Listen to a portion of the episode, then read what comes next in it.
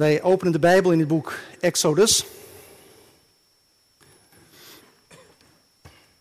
In de afgelopen tijd heb ik een paar keer gepreekt over roepingsverhalen.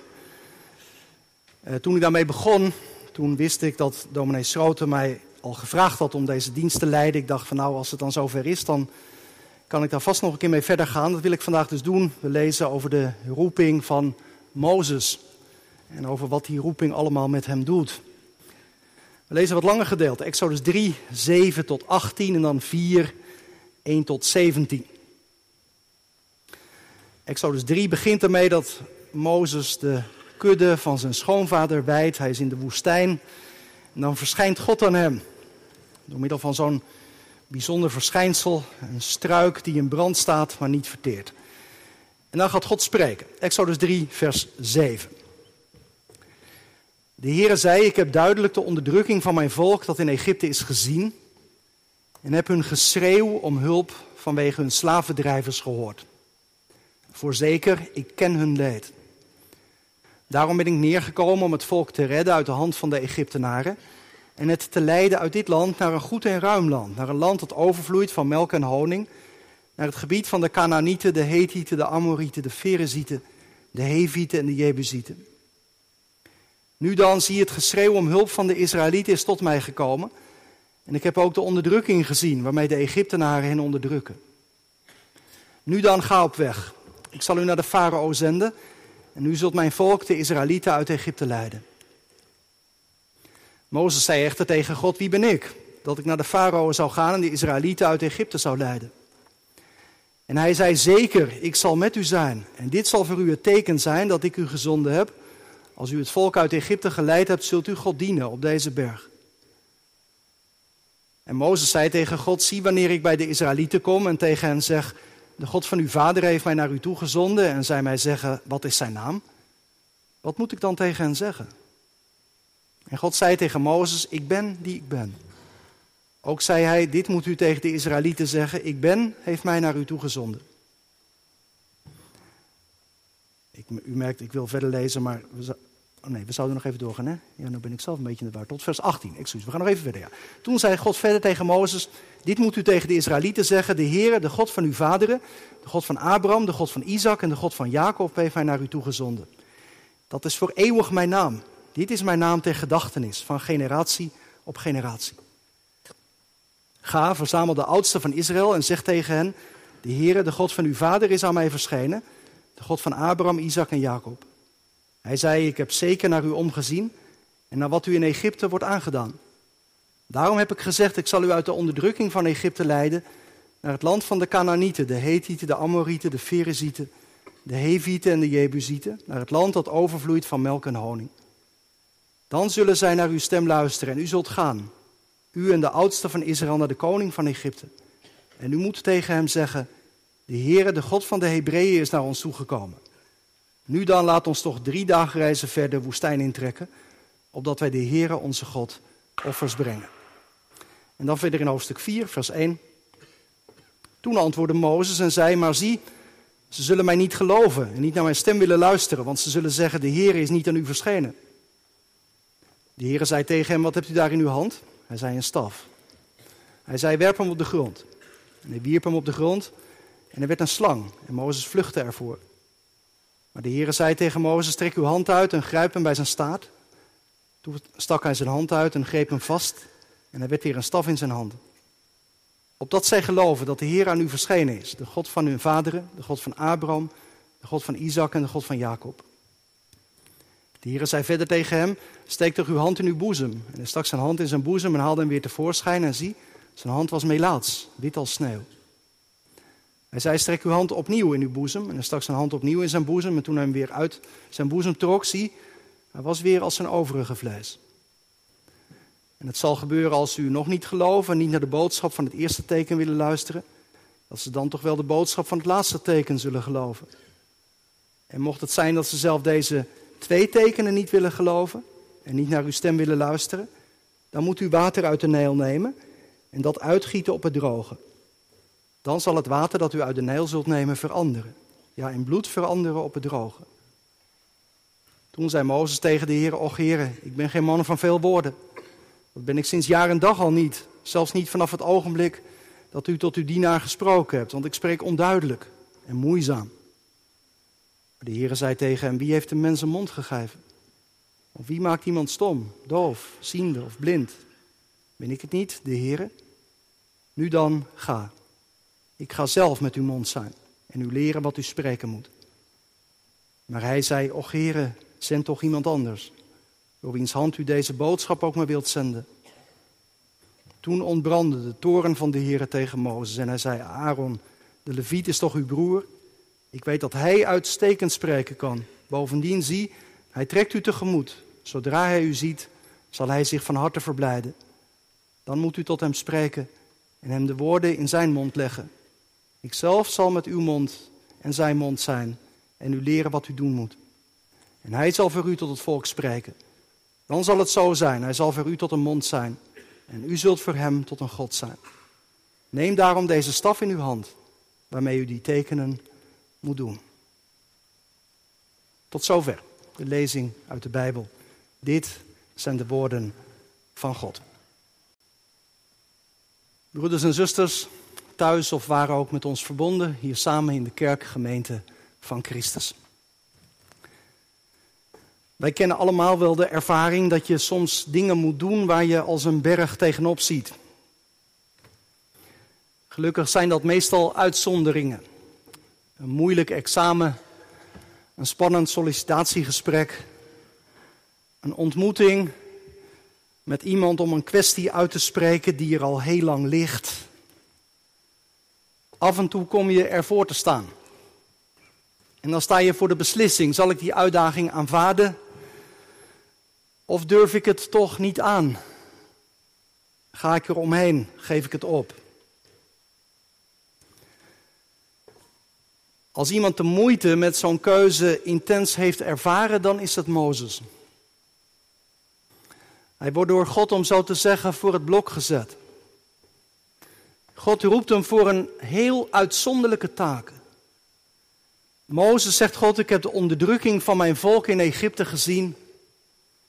Ik heb de slavenarbeid gezien die ze verrichten. Hun geroep is tot voor mijn troon gekomen. En de maat is vol. Ik ga bevrijding brengen en Mozes, jou ga ik daarbij inschakelen. Jij zult naar de farao gaan en de Israëlieten uit Egypte leiden. Naar de farao, alleen al die woorden zullen heel veel hebben opgeroepen bij Mozes. Mozes was aan het hof van de farao opgevoed. Veertig jaar geleden had hij moeten vluchten. Veertig jaar lang was hij inmiddels nu schaapherder geweest en nu weer terug naar de farao. En je merkt dat hij er helemaal geen zin in heeft. Exodus 3 en 4 die beschrijven, zou je kunnen zeggen, heel uitgebreid het gesprek tussen Mozes en God. En Mozes bedenkt steeds weer andere argumenten om de uitdaging niet te hoeven aangaan. In totaal komt hij met vijf tegenwerpingen. Ze staan in 3 vers 11 en 3 vers 13. In hoofdstuk 4 vers 1, 10 en 13. Ik loop ze even met u langs. Ik hoop dat je je Bijbel bij je hebt, dan kun je even meekijken. Um, Exodus 3 vers 11, dat is de eerste. Dan zegt Mozes, wie ben ik dat ik naar de farao zou gaan en de Israëlieten uit Egypte zou leiden? Wie ben ik? Mozes, hij twijfelt aan zichzelf. Misschien ligt die twijfel in het feit dat het hem 40 jaar geleden niet was gelukt. Toen had Mozes een Egyptenaar doodgeslagen die een volksgenoot van hem afranselde. Maar dat was niet het begin geweest van de bevrijding, integendeel. Mozes was op de vlucht geslagen. Wie ben ik? Misschien zit de twijfel van Mozes er ook wel in dat hij zich niet opgewassen voelt voor zijn taak. Ik kan onmogelijk de leider zijn van zo'n groot volk. Daar heb ik geen enkele ervaring mee. Wie ben ik? Tweede bezwaar van Mozes staat twee versen verderop, in 3 vers 13. Mozes zei tegen God, wanneer ik bij de Israëlieten kom en tegen hen zeg, de God van uw vader heeft mij naar u toegezonden en zij mij zeggen, wat is zijn naam? Wat moet ik dan tegen hen zeggen? Eerst, wie ben ik? Nu, wie bent u? Mozes haakt daarbij aan bij het antwoord dat God op de eerste vraag geeft. Ik zal met je zijn. Ja, maar wie is dat dan precies? Wie is deze God die belooft met Mozes mee te gaan? Wie bent u? Zegt Mozes. Ik ken u eigenlijk, maar nauwelijks hoor ik daar ook in. Wie bent u? Derde bezwaar staat in hoofdstuk 4, vers 1. Toen antwoordde Mozes en zei: Maar zie, ze zullen mij niet geloven en niet naar mijn stem willen luisteren, want ze zullen zeggen: De Heer is niet aan u verschijnen. Mozes vraagt: Wat is mijn legitimatie? Wat moet ik doen als de mensen mij niet geloven? Als ik wel een mooi verhaal vertel over God en zijn redding, maar de mensen zeggen: Je kunt ons nog meer vertellen. Heb jij God gezien? Dat kan iedereen wel zeggen.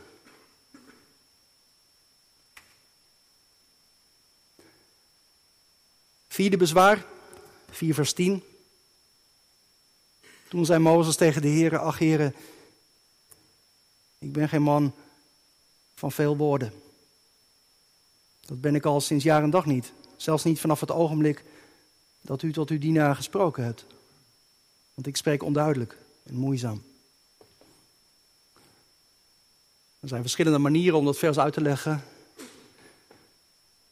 Veel uitleggers die wijzen dan op Handelingen 7, waar Stefanus in een toespraak zegt dat Mozes toen hij 40 jaar oud was machtig in woorden was, maar op dit moment is Mozes dus 40 jaar verder.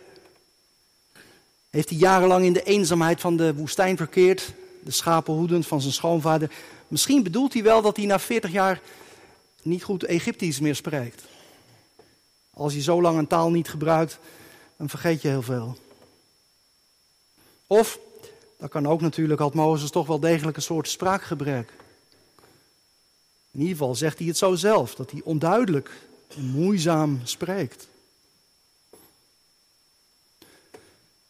Ten slotte, die vijfde tegenwerping, die staat in vers 13 van hoofdstuk 4. Maar Mozes zei, o Heer, zend toch iemand anders.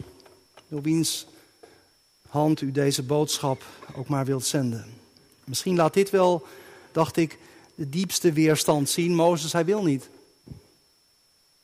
Stuur alstublieft iemand anders, wie u ook kiest, niet mij.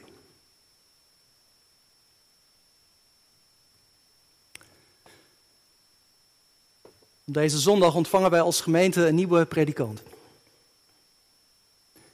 En straks klinkt de vraag aan dominee Schroten: gelooft u dat u in uw beroeping door deze gemeente, door God zelf tot deze dienst bent geroepen? Gelooft u dat u geroepen bent door God? Dat is heel belangrijk om dat als predikant te weten. Dat je hier maar niet wat in je eigen naam staat te hobbyen, maar dat je geroepen bent door God. Maar het is niet alleen belangrijk voor predikanten. Ik denk aan ouderlingen, aan diakenen, aan iedereen die zich inzet binnen de gemeente. Maar uiteindelijk, gemeente, zijn wij toch allemaal geroepen? Straks worden wij, om zo te zeggen, weer uitgezonden de wereld in.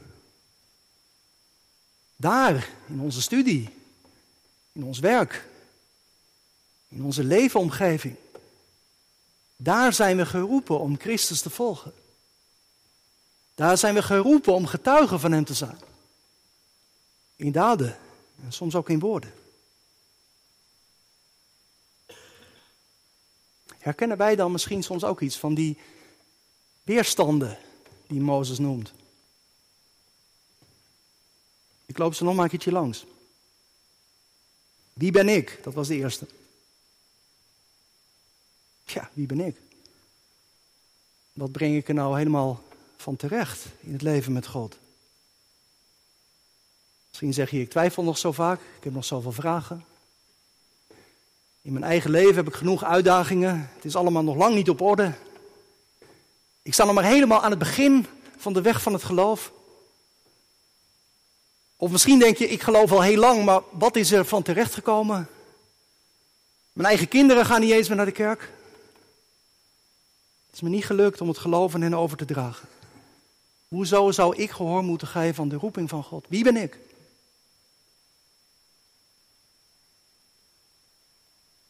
En wie bent u? Dat is het tweede.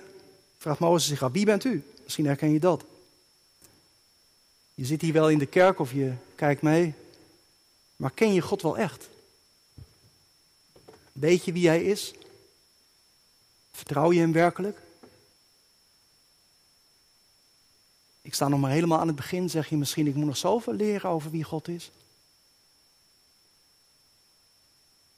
Dat geldt trouwens net zo goed ook als je predikant bent. We zijn geroepen om over God te spreken, maar als het goed is, wordt het nooit iets vanzelfsprekends.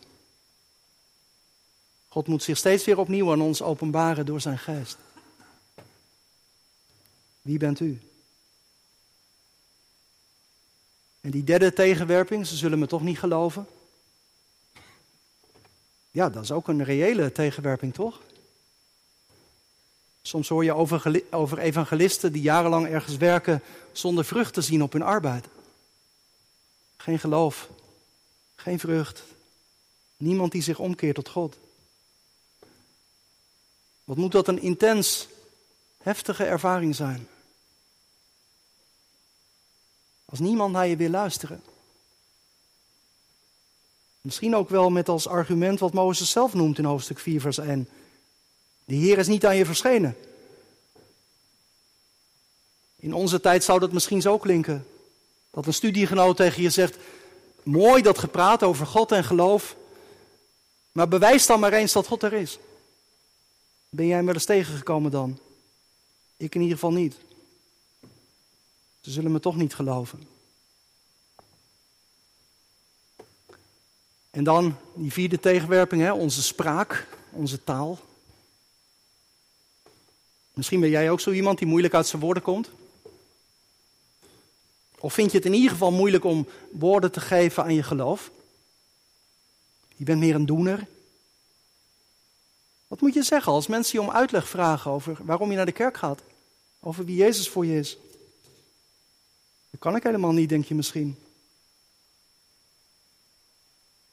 Trouwens, met datzelfde probleem kun je worstelen als je verbaal wel sterk bent. De meeste dominees zitten niet om woorden verlegen. Maar vinden we de juiste taal? Geen afgesleten woorden, clichés, het bekende liedje. Maar woorden die harten raken. Woorden die mensen laten ophoren. Ik weet niet hoe dat bij jou is, Bert, maar ik heb dat niet op zak. We redden dat niet uit onszelf. En tenslotte die vijfde weerstand, ik wil niet. Soms heb ik er gewoon geen zin in. Herken je dat? Dan wil ik mijn eigen leven leiden. Als nou al die grote woorden over getuigen zijn in deze wereld me tegen, voor mij en ander. Ik ben misschien morgen wel weer beschikbaar, maar vandaag even niet. Laat me maar even met rust.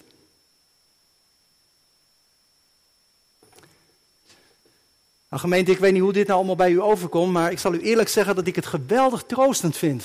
Dat al die tegenwerpingen en weerstanden hier zo open en bloot staan opgetekend. De Bijbel is een heel, heel eerlijk boek. Alles mag op tafel komen. Ook al onze weerstanden, al onze vragen, al onze twijfels. Maar wat ik nog veel troostender vind, is om te zien hoe God reageert. En, en, en dat hij reageert. God neemt Mozes volstrekt serieus in zijn aarzeling, in zijn vragen, in zijn twijfels. En hij is daarin ook heel geduldig.